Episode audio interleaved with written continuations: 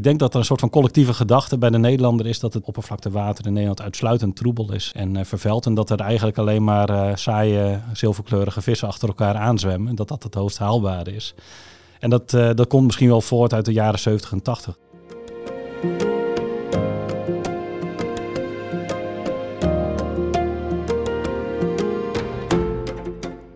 Hey, leuk dat je luistert naar Toekomst voor Natuur, aflevering 14.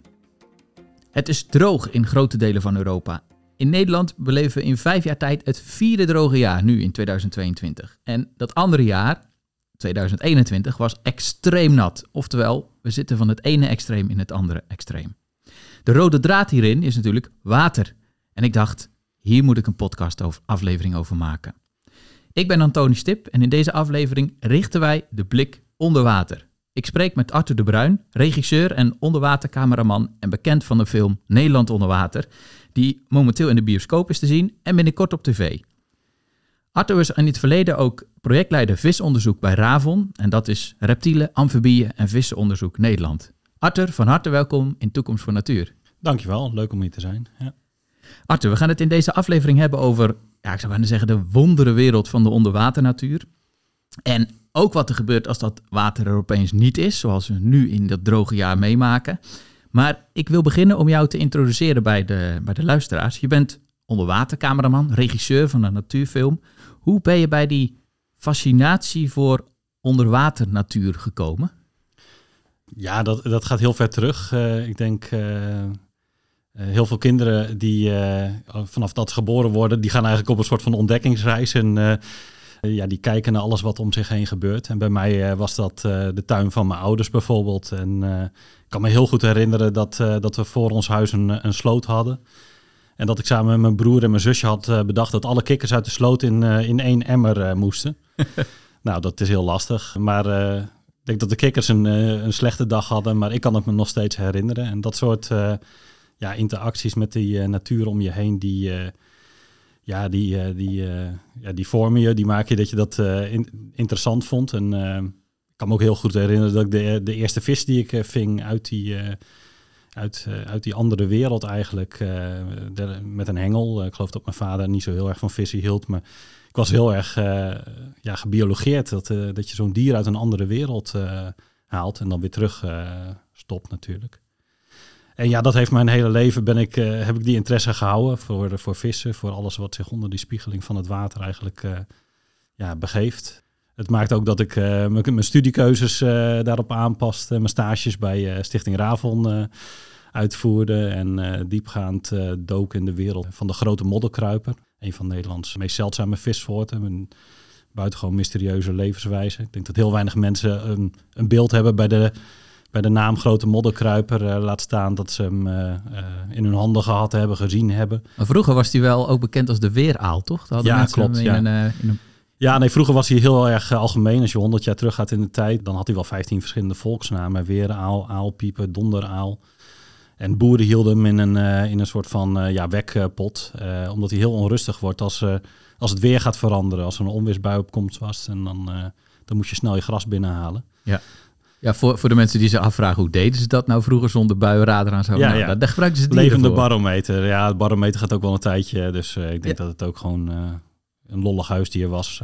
ja. Ja. Wat betekent natuur voor jou? En natuur betekent voor mij heel veel. Het is echt een, een draad in mijn leven. En ik vind het. Uh, het is natuurlijk voor iedereen gewoon een basisbehoefte om uh, überhaupt te kunnen leven. Het is de zuurstof die je inademt. Het schone water wat je drinkt. Uh, dat honderden jaren onderweg was door de bodem. Maar ja, ik haal daar nog veel meer uit. Ik vind het een oneindige inspiratiebron. en buitengewoon boeiend om, om daar eigenlijk dagelijks mee bezig te zijn ja, mijn fascinatie voor die wereld onder water, zeg maar specifiek. In mijn werk bij, bij, als visonderzoeker bij Ravon kon ik daar dagelijks eigenlijk in die wereld duiken. En kwam ik op alle plekken van Nederland en zag ik eigenlijk ja, de meest zeldzame vissoorten die we in Nederland hebben. Maar voor mij was dat eigenlijk nog niet helemaal, ja, niet helemaal genoeg. Want ik, ik, ik, was, ik heb een buitengewoon interesse voor, ja, voor die dieren, hoe ze eigenlijk in hun wereld leven. En ja, jij bent uh, vlinderonderzoeker, denk ik. Ja. Uh, nou, in je dagelijks uh, leven kan je gewoon buiten lopen en dan kom je toevallig een vlinder tegen en die kan je bestuderen als hij eitjes gaat leggen. Maar voor vissen en voor veel van die onderwaterdieren is dat totaal anders. Ik ben uh, ja, iets van uh, tien jaar geleden of twaalf jaar geleden heb ik een duikbril opgezet. En ja, ben ik eigenlijk gewoon onder water gaan kijken naar het gedrag van, uh, van die dieren die ik al, die ik al bestudeerde. Om gewoon ja, te zien hoe ze in hun wereld eigenlijk functioneren en wat er allemaal bij komt kijken. Je bent eigenlijk letterlijk de ecologie ingedoken. Ja, absoluut. Ik wou gewoon weten wat er, wat er gebeurde. En er is één moment geweest wat eigenlijk wat heel belangrijk was, en dat was tien jaar geleden. En toen had het, het was een natuurfenomeen wat ik niet snel vergeet, maar het had echt belachelijk hard geregend in de bovenloop van de Rijn, in, in de Bodensee, uh, dus uh, richting Zwitserland. En al dat water kwam midden in de zomer, kwam dat eigenlijk naar, naar Nederland toe. En in onze delta stroomden de rivieren midden in de zomer stroomden over. maar de liefjes die stonden onder water, een meter onder water. Bomen stonden onder water en alle pieren in de grasmat verzopen. En het was dat moment dat ik daar in die uiterwaarden op het heldere water lag, dat alle vissen uit de rivieren eigenlijk die, die uiterwaarden opkwamen zwemmen en zich helemaal te, te goed deden, een soort van uh, vreed, uh, een, een, feestmaal aan die verzopen pieren.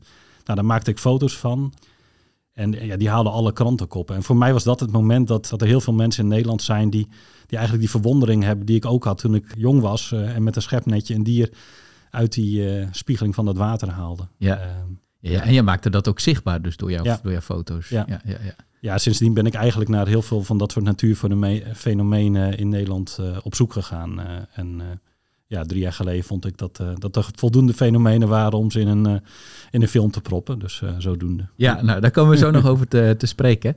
Ja, ik durf bijna niet te vragen, omdat je dat misschien al verteld hebt. Maar hoe ziet jouw favoriete natuur eruit? Ja, gek genoeg heb ik daar niet, niet direct een, een, een beeld bij. Het gaat me eigenlijk veel meer om het, uh, het gevoel wat ik uh, erbij krijg. Dat gevoel dat, van mijn favoriete natuur, dat is dat, ik, dat ik me nietig voel ten opzichte van de natuur.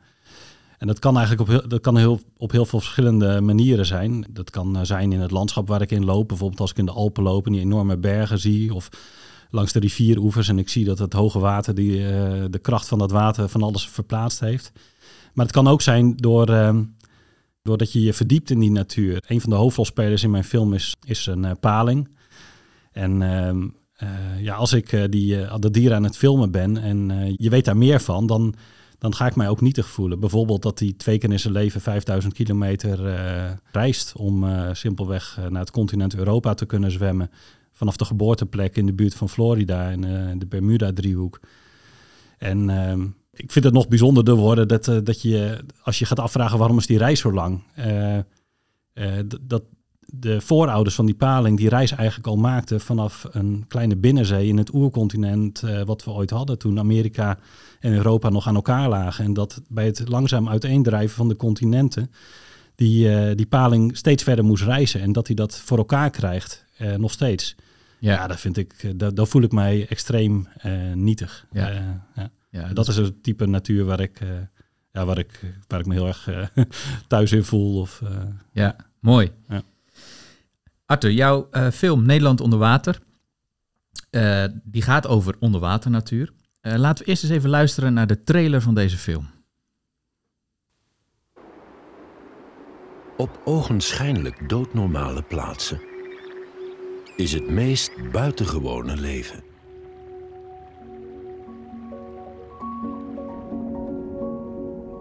Hier in Nederland, overal om ons heen, zijn dieren die je moet zien om te geloven dat ze bestaan.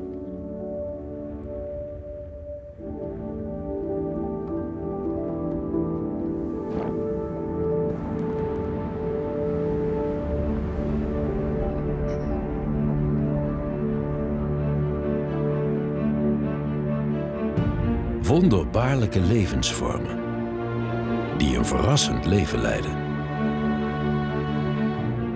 Altijd in beweging.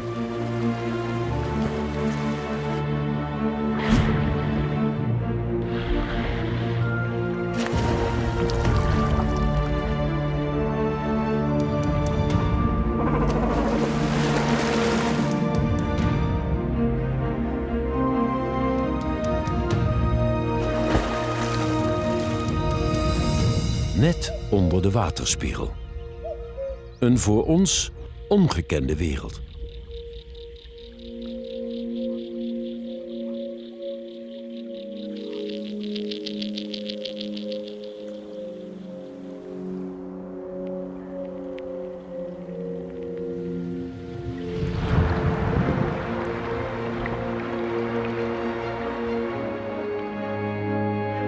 Je zal Nederland nooit meer hetzelfde zien. Neem een diepe hap lucht.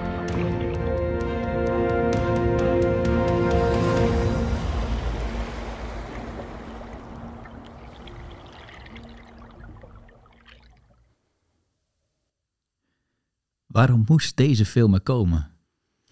Ja, waarom was hij nog niet gemaakt, eh, zou je ook kunnen vragen. Nee, ja, ik, eh, ik vind dat er in Nederland onder de waterspiegel gewoon uh, superveel bijzondere diersoorten aanwezig zijn die, die eigenlijk grotendeels heel verborgen voor ons blijven, omdat ze nou eenmaal onder die waterspiegel leven. Maar als je kijkt naar de, de, de, vernuftigheid van, van al die dieren, de creativiteit om ergens een plekje te vinden in het Nederlandse landschap onder de waterspiegel, dan, dan is dat bewonderenswaardig. En we zien op tv heel veel films, bijvoorbeeld van de BBC, en dat is dan eh, die zijn prachtig, daar krijg ik ook inspiratie van als natuurfilmer. Maar dat is dan ja, ergens op de mooiste plekjes van de wereld, uh, wat voor veel mensen helemaal niet zo uh, ja, toegankelijk is om daar naartoe te gaan. Terwijl er heel veel bijzondere verhalen gewoon onder onze neus in de sloot naast je huis plaatsvinden. En dat wou ik laten zien. en ik wou met de film ook, wil ik ook wel iets, iets doorbreken. En misschien is het goed als je die dan meenemen op een willekeurige draaidag, hoe die eruit ziet. Ja. Ik heb een scène gefilmd, dat is midden in een stadsgracht. En als ik dan eh, op het moment eh, dat ik eh, met mijn duikpak aan, camera onder mijn hand, flippers onder, mijn hand naar de auto terugloop, omdat ik klaar ben met filmen. En er is iemand in de stad die mij aandurft te spreken, want mensen vinden dat er vreemd uitzien, denk ik. Jo. dan krijg ik opvallend vaak dezelfde vraag. En dat is, wat, ben je, wat ben je aan het doen? En als ik mensen dan uitleg dat ik een natuurfilm maak en dat het gaat over de onderwaternatuur van Nederland, dan, dan zegt iedereen altijd: Oké, is hier iets te zien dan? Ik dacht dat het Nederlandse water zo uh, extreem uh, troebel was. hier, weet, je, weet je waar je eens een keer zou moeten gaan snorkelen? Op daar en daar, Corsica of nou, noem het maar op. Ja. Ik denk dat, in de, dat er een soort van collectieve gedachte bij de Nederlander is dat het, dat het oppervlaktewater in Nederland uitsluitend troebel is en vervuild. En dat er eigenlijk alleen maar saaie, zilverkleurige vissen achter elkaar aanzwemmen. En dat dat het hoogst haalbare is. En dat, uh, dat komt misschien wel voort uit de jaren 70 en 80, toen uh, zeg maar, dat dat daadwerkelijk ook wel het geval was dat, er, dat onze waterkwaliteit gewoon echt niet op orde was. Dus dat, ja, die gedachte wil ik doorbreken. Ik wil mensen ook laten zien dat er heel veel schoonheid is onder water. Ja.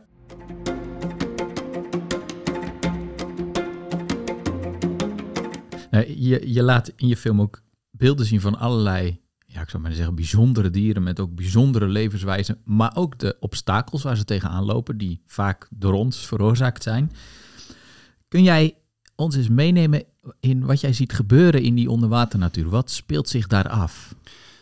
Ja, er gebeurt van alles. Eh, de onderwaternatuur is gewoon echt een, een totaal bruisend uh, geheel. En uh, ja, je hebt het over die obstakels. Nou, ik, ik vertelde net het verhaal van die paling, dat ik me daarbij nietig voel.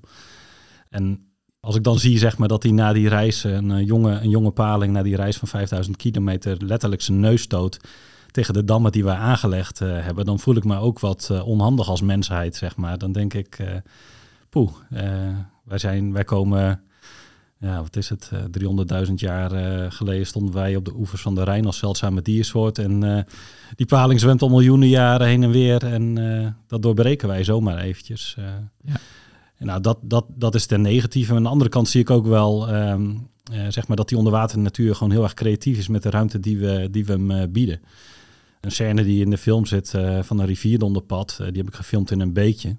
En als je daar in eerste instantie onder water zou kijken, dan denk je, goh, wat een, ligt een hoop troep, dakpannen, stenen. Maar in de voorplantingstijd van de rivierdonderpad, dan is het zo'n dakpan die die mannetje rivierdomderpad als huis beschouwt. Dan gaat hij onder zitten, gaat hij uh, roepen. Onderwatervissen uh, die ja, communiceren met elkaar. Uh, dat is een diepgang die, ja, die, die, voor veel mensen moeilijk te begrijpen is. Maar ze, ja, water draagt nou eenmaal geluid heel goed. Dus hij begint te roepen en er komt een vrouwtje bij hem onder zijn dakpan zitten. Die plakt de eitjes tegen het plafond aan en vervolgens heeft hij vier weken de taak om ze van zuurstof te voorzien.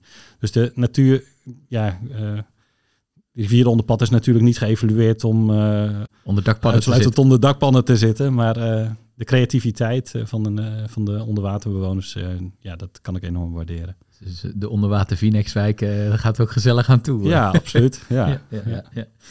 En um, je noemde net al even de, de waterkwaliteit die in de afgelopen decennia in Nederland toch wel sterk is verbeterd. Ehm, hoe gaat het eigenlijk met de natuur onder water in onze lage landen? Want we zijn overduidelijk een delta met een belangrijke rol voor water. Ja, ja. ja ik, dat is een, eh, een vraag die heel uh, um, niet eenduidig te be beantwoorden is. Maar laat ik positief beginnen en laat ik dan ook de andere uh, aspecten daarna beantwoorden. Ik had deze film 30 jaar geleden gewoon niet kunnen maken. Simpelweg een aantal van de hoofdrolspelers, een Bittervorm bijvoorbeeld, die was 30 jaar geleden hartstikke zeldzaam. En het water was te, troebel geweest om dat verhaal te kunnen vastleggen. En nu komt hij weer voor. Uh, ik heb het verhaal letterlijk gefilmd in een slootje in de woonwijk uh, waar, ik, uh, waar ik woon in Elst in de Betuwe. En dat had gewoon niet gekund. Dus afgelopen 30 jaar hebben waterschappen waterzuiveringen aangelegd. rioolwater is, wordt niet meer zomaar op de oppervlakte water geloosd. En je ziet dat ja, voor veel onderwater natuur zeg maar, dat al een, een, een fijne basis is. Dat dat uh, meer op orde is. Een snoek is weer een van de meest algemene vissoorten van uh, Nederland. Die heeft echt een, weer een comeback gemaakt. Je hebt heel veel beken waar weidebeekjuffers weer rondvliegen. Er zit in de grote rivieren en in het IJsselmeer een, een zalmachtige, de houting, die ooit uitgestorven was voor Nederland, maar het inmiddels weer best wel goed doet. Dus um, dat laat zien dat met, ja, met die aanpassingen die we doen, dat de natuur heel veerkrachtig daarop kan reageren. En dat geeft, geeft mij heel erg veel hoop. Aan de andere kant staat natuurlijk het nieuws helemaal bol van, uh, van de slechte waterkwaliteit. En dat dat de volgende uh, crisis gaat worden uh, na de stikstofcrisis. En ik denk dat dat geluid ook net zo reëel is. Want er gaat ook nog heel veel niet goed. om een voorbeeld te geven, ik vind het gewoon ja, verder van normaal dat je de paling uit de grote rivieren niet kan eten, omdat die simpelweg te vervuild is voor menselijke consumptie. Ja. En datzelfde geldt voor, voor alle vissen in de, in de Westerschelde. Die uh, bevat, uh, dat systeem bevat inmiddels zoveel PFAS dat uh, zelfs de mensen die daar in de omgeving wonen, dat in hun, in hun bloed hebben zitten. Dat, is, ja, dat, dat komt vrij bij productieprocessen in fabrieken in, in Antwerpen, waarbij we anti-aanbakpannen maken. Ja, ik, ehm, dat baart me zorgen. Ik je zou daar haast verdrietig van worden dat die, die stoffen blijven nog decennia lang in dat milieu aanwezig. Het, en ja, daar kan, daarvan denk ik dat we echt andere normen nodig hebben, letterlijk. Andere normen voor, uh, voor het gebruik van water. Uh, ik zie het dat, dat water echt als een uh, gemeenschapsgoed, zeg maar. Hè. Het is ons drinkwater, je zou erin moeten kunnen zwemmen. En ja, dat je zeg maar een commercieel belang boven de, van de gezondheid van de bevolking, maar ook gewoon van al het leven wat in dat water zit, stelt. ja, dat, dat, daar moeten we echt veranderingen aanbrengen, denk ik. Ja, dus, dus eigenlijk zeg je van, nou ja, het is, het is genuanceerd, er gaan dingen goed. Ja. Uh, waar je ook echt, waar jij ook van zegt van, ja, daar word ik blij van. De veerkracht is, is, is uh, iets, echt iets bewonderingswaardig, hoe die uh, soorten met nou, relatief weinig wat we geven, zo explosief daarop kunnen reageren. Ja, ja. Jij noemde net al een aantal bedreigingen van ja, dingen waar onderwaternatuur tegenaan loopt. Vissen, reptielen, amfibieën. Ja. Um, Kun je er nog een paar noemen? Zijn er nog meer zaken die, die echt misgaan? Ja, ik ben wel positief ingesteld, maar er gaat natuurlijk van alles mis. Maar het belangrijkste is denk ik dat um, uh, de onderwaternatuur simpelweg een handicap heeft. En dat is namelijk dat hij heel erg onzichtbaar is. Uh, mensen, uh, je ziet eigenlijk niet als je zeg maar, dat ergens loost wat voor effect dat heeft. Tenzij de vissen gaan drijven, dan is het evident. Maar in heel veel gevallen zien we niet wat het effect is van, van ons handelen, zeg maar.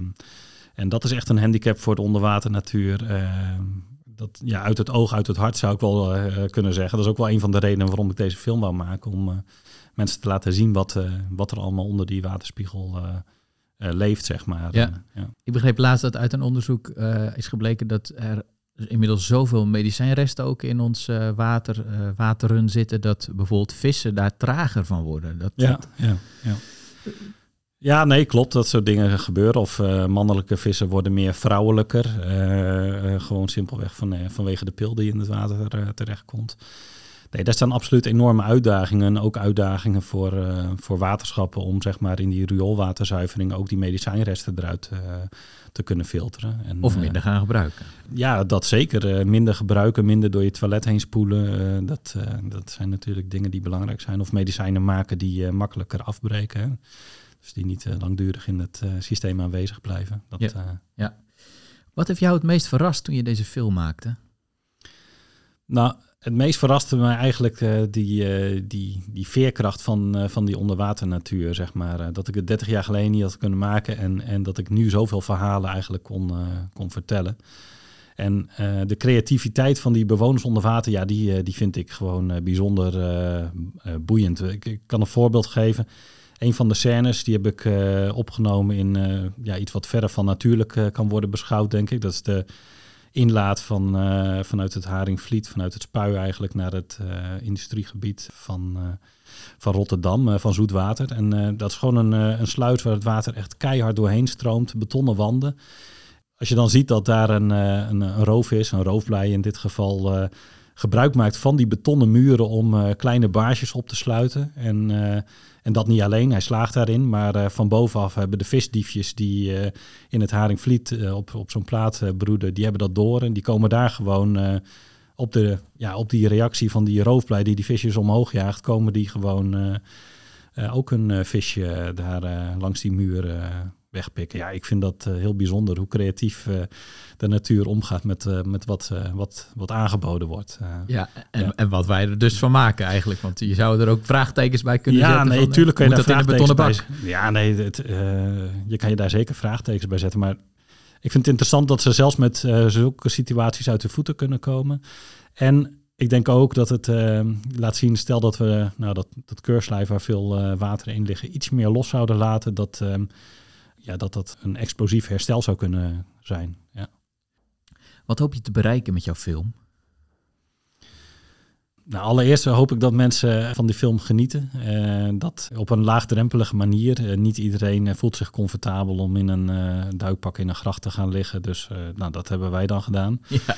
Ik hoop dat mensen zien hoe, ja, hoe interessant het ook gewoon in de sloot om je hoek kan zijn. En ik hoop ook te doorbreken, zeg maar, die, het collectieve gedachte wat, wat Nederlanders hebben dat ons water uitsluitend troebel is. En het zou fijn zijn als mensen iets minder met hun rug naar het water toe zouden staan, maar de, daar iets meer, uh, ja, iets meer naartoe, naartoe kijken. En, uh, ja, maar bovenal hoop ik uh, dat mensen gewoon een, een, ja, een leuke film zien van eigen bodem, van natuur heel dichtbij. Ja. ja. ja.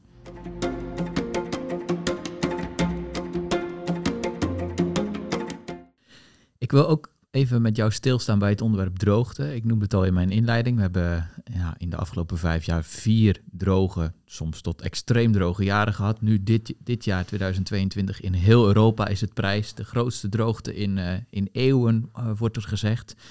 Ik ben ook even in de cijfers gedoken voor Nederland. Uh, we hebben in Nederland natuurlijk steeds vaker te maken met die uh, grote droogte. Terwijl interessant genoeg de totale neerslagsom, dus hoeveel regen er valt en, en sneeuw soms nog, die is eigenlijk behoorlijk toegenomen. Namelijk in de afgelopen 110 jaar, dus echt wel over een lange periode, 26% me meer neerslag gevallen. Dus voor de vergelijking in 1910 viel er gemiddeld 692 mm regen. En nu is dat 873 mm regen. Dus er is meer regen gevallen. De winter is natter geworden met name. Uh, maar ook de andere seizoenen zijn uh, gemiddeld genomen natter geworden.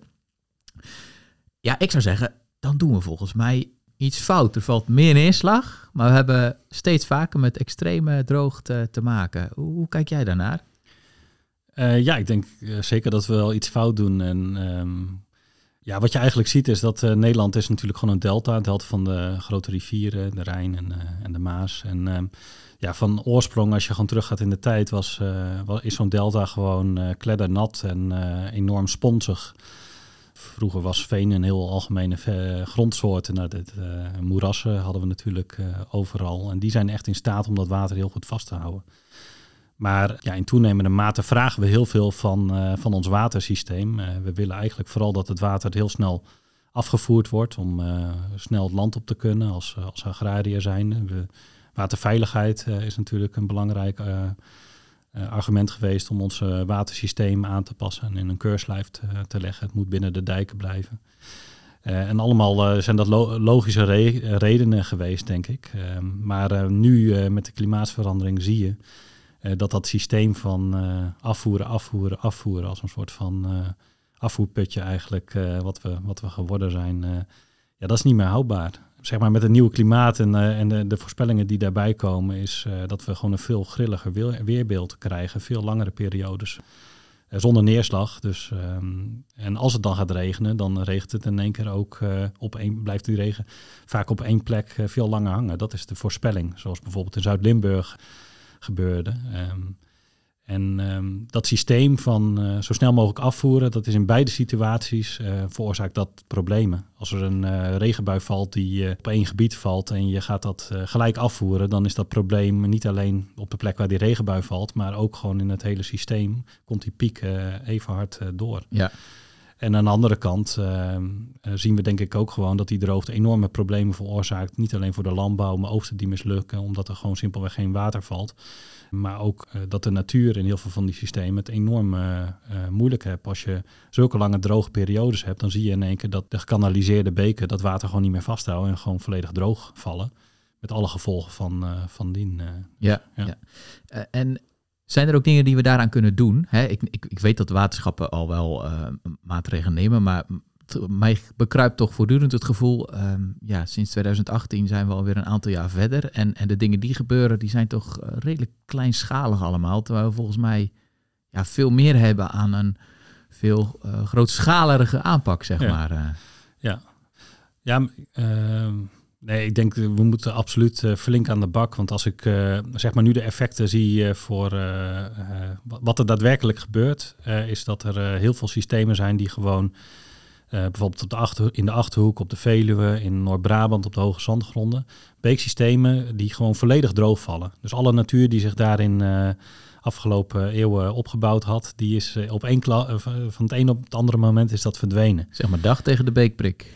nou, dat is echt één soort waar we ons absoluut heel erg zorgen om maken. Mijn collega's bij Ravon hebben uitgerekend ehm, uh, hoeveel, in hoeveel procent van de gevallen zeg maar, de populaties van beekprik bedreigd worden door droogval. Dat is in meer dan 50 procent. Dus uh, als dit soort zomers doorzet of erger worden, ja, dan, ehm, dan is dat serieus een, een groot probleem. Het is letterlijk zo dat nu in de Achterhoek, in de belangrijke beekprikbeken en ook in Noord-Brabant, de systemen aan het infuus liggen. er wordt grondwater als een noodmaatregel in die beken gepompt om te voorkomen dat alle bijzondere macrofauna, de beekprikken en al die waardes die er in eeuwen opgebouwd zijn, plotsklaps verdwijnen. En daarmee ook de bronpopulaties voor, ja, mochten we het ooit, zeg maar, het systeem weer anders krijgen. Ja. En ja, ik denk dat systeem moet echt anders. Ik denk dat iedereen dat inziet. En ik hoop ook dat het tempo waarmee dat zeg maar anders gemaakt gaat worden, enorm opgevoerd gaat worden. En ik vind het heel erg belangrijk om daarbij uh, ik denk om dit probleem te tackelen, uh, zouden we echt 100 jaar verder moeten kijken. Hoe ziet ons landschap er op de, uh, over 100 jaar uit als we met dit probleem, met die droge zomers en die, die pieken afvoeren? Dan, en dat vergt dat we echt, echt een omslag moeten maken in hoe dat watersysteem eruit ziet. En het zou goed zijn als we ook eens 100 jaar terug gaan kijken. Toen Nederland nog een beetje sponsig was en, en daar de elementen ook uithalen. Ik zie hoe gek het ook klinkt, ik zie ook enorme kansen voor, voor de aanpassingen van watersystemen en ook de versterking van watergebonden natuur. Want het is evident dat we heel veel ruimte nodig gaan hebben om meer water te bergen. En pieken van die, uh, van die regenbuien op te vallen. Nou, ik zie daar enorme kansen in het rivierengebied, in de, in de beekdalen, om die veel robuuster en natuurlijker in te richten. Ik denk dat de natuur daar, uh, zeg maar, creatief, de onderwaternatuur, maar ook alle andere natuur daar ook enorm uh, explosief, uh, positief een impuls zou kunnen krijgen als, de, als we dat voor elkaar zien te krijgen. Dat, uh, dan zie ik voor me dat je in zo'n beekdal loopt en dat het niet de stuwen zijn die het water opstuwen, maar dat het de bomen zijn die we gewoon in de beek laten vallen. Dat de beekloop niet zo diep meer ingesneden in het landschap ligt, omdat we hem altijd keurig onderhouden hebben en steeds verder ingraafden. Maar dat we dat hij bij een, een buitje makkelijker buiten de oevers kan treden. En dat je weer daar doorheen loopt en met je, met je laarzen door het natte gras heen loopt. Waar de plekken waar vroeger de, de grote modderkruipers zeg maar, zich voorplanten. We moeten echt naar een sponsiger, sponsiger landschap toe. En, ja. Maar tegelijkertijd zie je ook dat er natuurlijk vanuit een hele hoop um, ja, disciplines zeg maar, in onze maatschappij er een ruimtevraagstuk ligt. Ja. Hè, dit is vanuit water dan. Ja. ik denk ook klimaatadaptatie eh, zou je dit kunnen noemen. Ja. Maar goed, eh, tegelijkertijd liggen er ruimtevraagstukken vanuit woningbouw, vanuit eh, hoe gaan we om met migratie, hoe gaan we om met, ehm, met onze landbouw. Dus er ligt heel veel, en natuur niet te vergeten, en niet alleen waternatuur, maar ook andere natuur. Ja. Er ligt heel veel druk op dat kleine landje Nederland. En Nederland wordt denk ik niet heel veel groter, tenzij we nog een stukje zee inpolderen. Maar Ja, dat ja. lijkt me ook over het algemeen niet echt heel, heel haalbaar. Ehm, dus dat, dat vraagt wel om eh, hele scherpe keuzes, denk ik. Nee, absoluut. Het is, eh, in, het is natuurlijk gewoon echt een ruimtelijk eh, ordeningsvraagstuk. Eh, alle ballen op Hugo de Jonge. Die, eh, nee, nee, geloof je.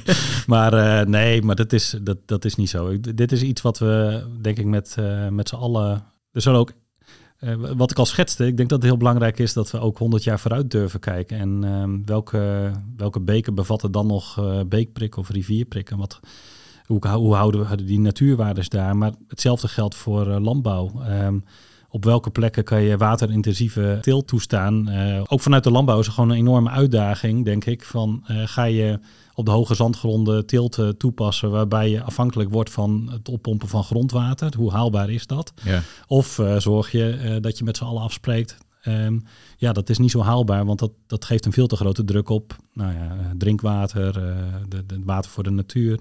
Dus het vergt echt dat we op, op, op Nederlandse schaal, denk ik, eh, keuzes gaan maken. Ja. Hoe ons landschap eh, eruit ziet. eh. Ja, en, en, en ik hoor jou ook eigenlijk een beetje pleiten voor het, het kathedraaldenken, want zo noemen ze dat. Kijk eens honderd jaar vooruit. Hè. Die, die kathedralen die eeuwen geleden gebouwd werden, Ja. die werden ook door opeenvolgende generaties van mensen gebouwd. En de mensen die daar bij wijze van in een bepaald jaar aan werkten, een paar jaar lang, die wisten ook niet ehm, hoe dat eruit uit zou zien als zij er niet meer zouden zijn. Zo groot waren die projecten. Ja. Maar jij zegt eigenlijk van ja, we hebben veel meer die, eh, die verre blik vooruit en een beetje verbeelding proef ik ook eh, in jouw nee, woorden. absoluut. Ja, ja, ja. Nee, ik denk dat het heel erg belangrijk is om, om echt eh, eh, om, om dit soort grote problemen aan te pakken, om dan veel verder te kijken. En dat gaat ook over de voedselproductie eh, in Nederland en eh, de ruimte die dat nu inneemt en die dat misschien in de toekomst inneemt. Ja, dit, dit vraagstuk eh, vergt echt voor een, eh, voor een gedegen plan eh, die, ja, die niet één generatie, maar misschien twee of drie gener- generaties verder kijkt. Ja.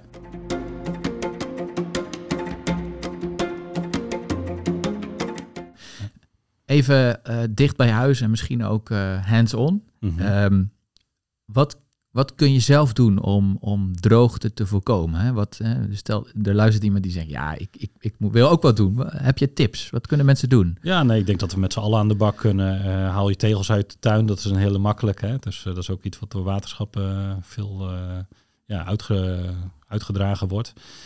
Daarmee neemt de sponsigheid van het landschap ook toe. Koppel je regenwater af, laat dat de tuin instromen. Is al een belangrijk iets. Maar ehm, ja, ik denk ook dat je als eh, consument iedere dag een, een keuze hebt als je in de supermarkt staat. Eh, dat gaat dan niet alleen eh, om, om de klimaatverandering, maar ook bijvoorbeeld om waterkwaliteit. Ja, zelf kook ik niet met een anti-aanbakpan bijvoorbeeld. Ik denk, ja goed, ik, ik, ik hoef die niet nu ik weet wat er gebeurt in de Westerschelde. Ja. ja, dat zijn gewoon keuzes die je als consument kan maken. Ja, ja. Oké, dus iedereen kan aan de bak. Dat is Ja, heel hoor. goed. Ja. Ja. Ik wil nog even stilstaan bij het onderwerp eh, recreatie. Want ehm, ja, ik heb jouw film gezien en er zitten verschillende momenten in de film, zonder al te veel te verklappen, waarbij eh, duidelijk is wat er gebeurt als, eh, als er ja, gerecreëerd wordt, wat dat doet met natuur. Ik denk op een subtiele manier breng je dat, breng je dat in beeld. Is recreatie een, een probleem voor onderwaternatuur? Dat denk ik niet. In sommige gevallen kan dat wel zo zijn. Maar eh, in mijn film zie je eigenlijk recreatie. En dat zit erin omdat ik mensen wil laten zien dat, eh, dat we vaak heel dicht bij die eh, waternatuur zijn. Maar niet per se doorhebben wat er onder die spiegeling van, eh, van dat water gebeurt. Je, je wilt waterkanoot ergens bij een, bij een, op een riviertje. Of je, je, je, je zeilt ergens over een ondiepe plas heen. En- Maar onder je gebeurt van alles. En ja, in mijn film heb ik nadrukkelijk gezocht eigenlijk om mensen iets meer te verbinden met, eh, kijk, je, je, be- je bevindt je daar dagelijks en je geniet daarvan. Ehm, eh, en ik denk dat dat heel erg belangrijk is. Natuurlijk, ehm, ja, als je met z'n allen gaat kitesurfen op een plek waar, eh wij spreken wilde zwanen, in de, nou ja, in de winter wordt er niet zoveel gekitesurfd, maar ja, dat, dat is natuurlijk niet eh, heel erg handig. Of eh, vele honderden, honderden kano's die eh, allemaal door een beek heen gaan. en misschien waterplanten daardoor wat minder laten groeien onder water. Ja, dat is ook niet zo handig. Dus met alles is denk ik met mate belangrijk. ja. Ja, al is het natuurlijk wel zo dat uh, je, je noemde water al een, een, publiek goed. Iedereen denkt, nou, het is ook van mij, dus ik ga daar ook. Ik mag daar ook kanoën. klopt. Als iedereen natuurlijk zo denkt, dan krijg je wel een beetje de, uh, de tragedy of the commons, zoals ze dat heten. Dat uh, uiteindelijk dat publieke goed de, de, de kosten draagt, zeg maar. Ja, nee, daar moeten we absoluut voor waken, denk ik. Het is echt belangrijk om dan ook gewoon te zoneren, zeg maar. Dat je dus de pareltjes die we hebben, die, uh, die echt ehm, daar schade door zouden kunnen krijgen, dat we daar toch wel wat, uh, ja, wat kaders stellen.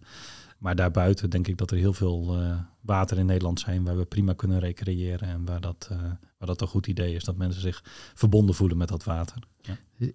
Ik moet toch ook even denken aan een shot in jouw film waarbij een groep meerkoeten zwemt en vervolgens Ehm, ja, verschijnt er een hond op het toneel en dan gebeurt er wat. Ja. Uh, dat is ook een vorm van recreatie. Nee, dat klopt. Ja, mensen laten inderdaad hun hond uh, uit in de natuur. Dat, bij veel natuurbeschermers, uh, zeker als dat veroorzaakt dat wel eens wat frustratie. maar ja, goed, dat gebeurt met water en natuur ook. Als je een als je je hond in het water laat zwemmen tussen de vogels of je gooit er een bal tussenin, ja, dan, dan, dan schrikken die daarvan. En mijn film is nadrukkelijk niet bedoeld om heel uh, uh, zeg maar belerend uh, mensen te vertellen wat ze wel en niet moeten doen. het is vooral bedoeld om mensen te laten kennismaken met die, met die bijzondere wereld en al die bewoners waar je, waar je, die je eigenlijk nooit ziet. En mensen mogen dan zelf, het is aan de mensen zelf om, om dan te bepalen hoe ze, hoe ze zich dan tot die wereld gaan verhouden en of ze dan iets anders gaan doen. Ik denk, ja. ik, ik, ik, ja, ik wil het niet als belerend zien. Ja. And then suddenly something happens. Zoiets. um, als luisteraars nu denken, ja, ik vind het zo, uh, zo inspirerend. Ik wil ook die onderwaternatuur uh, gaan beleven. Wat, wat, wat kunnen ze dan doen, behalve jouw film be bekijken natuurlijk? Uh, ja, nee, iedereen kan van die, van die natuur genieten. En ehm, ja, ik denk dat heel veel mensen op vakantie een, wel een duikbril opzetten en een snorkeltje en dan genieten van al dat natuurschoon wat je dan tegenkomt. Nou, pak die uh, duikbril en die snorkel, stof hem af en uh, duik in een uh, bijvoorbeeld een zandwinplas, dat is waar je ook gewoon kan zwemmen. En ga dan eens heel rustig in de oever drijven en ehm, ja, probeer zo rustig mogelijk daar langs te flipperen. En je zal zien dat, dat je dan omgeven wordt door die onderwaterbewoners die soms ook best nieuwsgierig zijn. Ehm, en als je als je dan uh, in een rietkraag ligt en je, je hebt het gevoel, er kijkt iemand naar me en uh, dat is een snoek van een meter. Ja, dan zit je in één keer in, die, uh, in zijn wereld. En ja. ja, dan krijg ik dat gevoel van nietigheid weer. en ik denk, zo'n zo'n herinnering of zo'n moment, die, dat, dat vergeet je niet. Nee. Dus ik zou, kan dat iedereen aanbevelen. Kippenvel, ja, ja. zeker. Ik wil tenslotte even met jou naar het onderwerp toekomst. Hè? Toekomst voor Natuur heet deze podcast. Ik vraag al mijn gasten ehm, ja, om een leestip te geven aan onze luisteraars. Wat is jouw leestip? Ja, ik heb het boek meegenomen. Dat heet Drinkbare Rivieren van uh, Lian uh, Poa en uh, Maarten van der Schaaf. ik vind het een buitengewoon inspirerende stip op de horizon. dat is de samenvatting, is de titel eigenlijk, hè? Drinkbare Rivieren. En zij zegt, zet zich met haar stichting in om ja, uh, al het handelen wat we doen eigenlijk uh, richting drinkbare rivieren te laten gaan. En ja, ik denk dat, dat, dat we echt behoefte hebben aan mensen die dat soort ambities uitspreken en mensen mobiliseren om naar zo'n toekomst toe te gaan. Ja, ja. en, en welke toekomst zie je eigenlijk weggelegd voor onderwaternatuur in ons land? Nou ja, het zijn onder andere dit soort initiatieven of mensen die in de samenleving opstaan, bijvoorbeeld om uh, rivieren weer uh, bijvoorbeeld rechten te geven. Uh, waar, waar, waar ik echt hoop van krijg. En ik denk dat als we ons ja, normen wat gaan bijstellen, bijvoorbeeld ook als het gaat over hoe we dat water gebruiken. En met alle uitdagingen die we, die we, die we hebben rondom klimaatverandering, zie ik ook heel erg veel kansen om dat water, als we dat keurslijf een klein beetje loslaten en uh, dat, uh, dat water weer een klein beetje wilder mag zijn, dan zie ik ook echt kansen voor de, voor de, voor de lange termijn dat we ja, dat we iets meer met dat water mee gaan bewegen. En dat er hele bijzondere dingen gaan gebeuren. Vissoorten die nu nog heel zeldzaam zijn, die misschien daarvan kunnen gaan profiteren. Er, er zit nog van alles in de black box onder de waterspiegel wat ons kan gaan verrassen als we, als we daar naartoe gaan werken. Dus um, maar we hebben nog heel veel, uh, er is nog wel een lange weg te gaan. Uh, ja. ja. met een mooie stip op de horizon voor Absoluut. drinkbare rivieren. Nou, die leestip zal ik ook in de beschrijving van deze podcast vermelden. Arthur de Bruin, regisseur en onderwatercameraman bij Blik Onderwater. Dankjewel voor dit boeiende gesprek. Heel graag gedaan, leuk.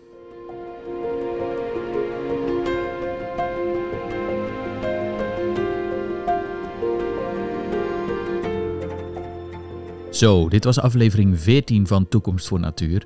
De credits voor de montage gaan naar Laura Peters en ik maak deze podcast voor de Vlinderstichting. De volgende aflevering van Toekomst voor Natuur gaat over de vergeten rijkdom van onze natuur in voorbije eeuwen.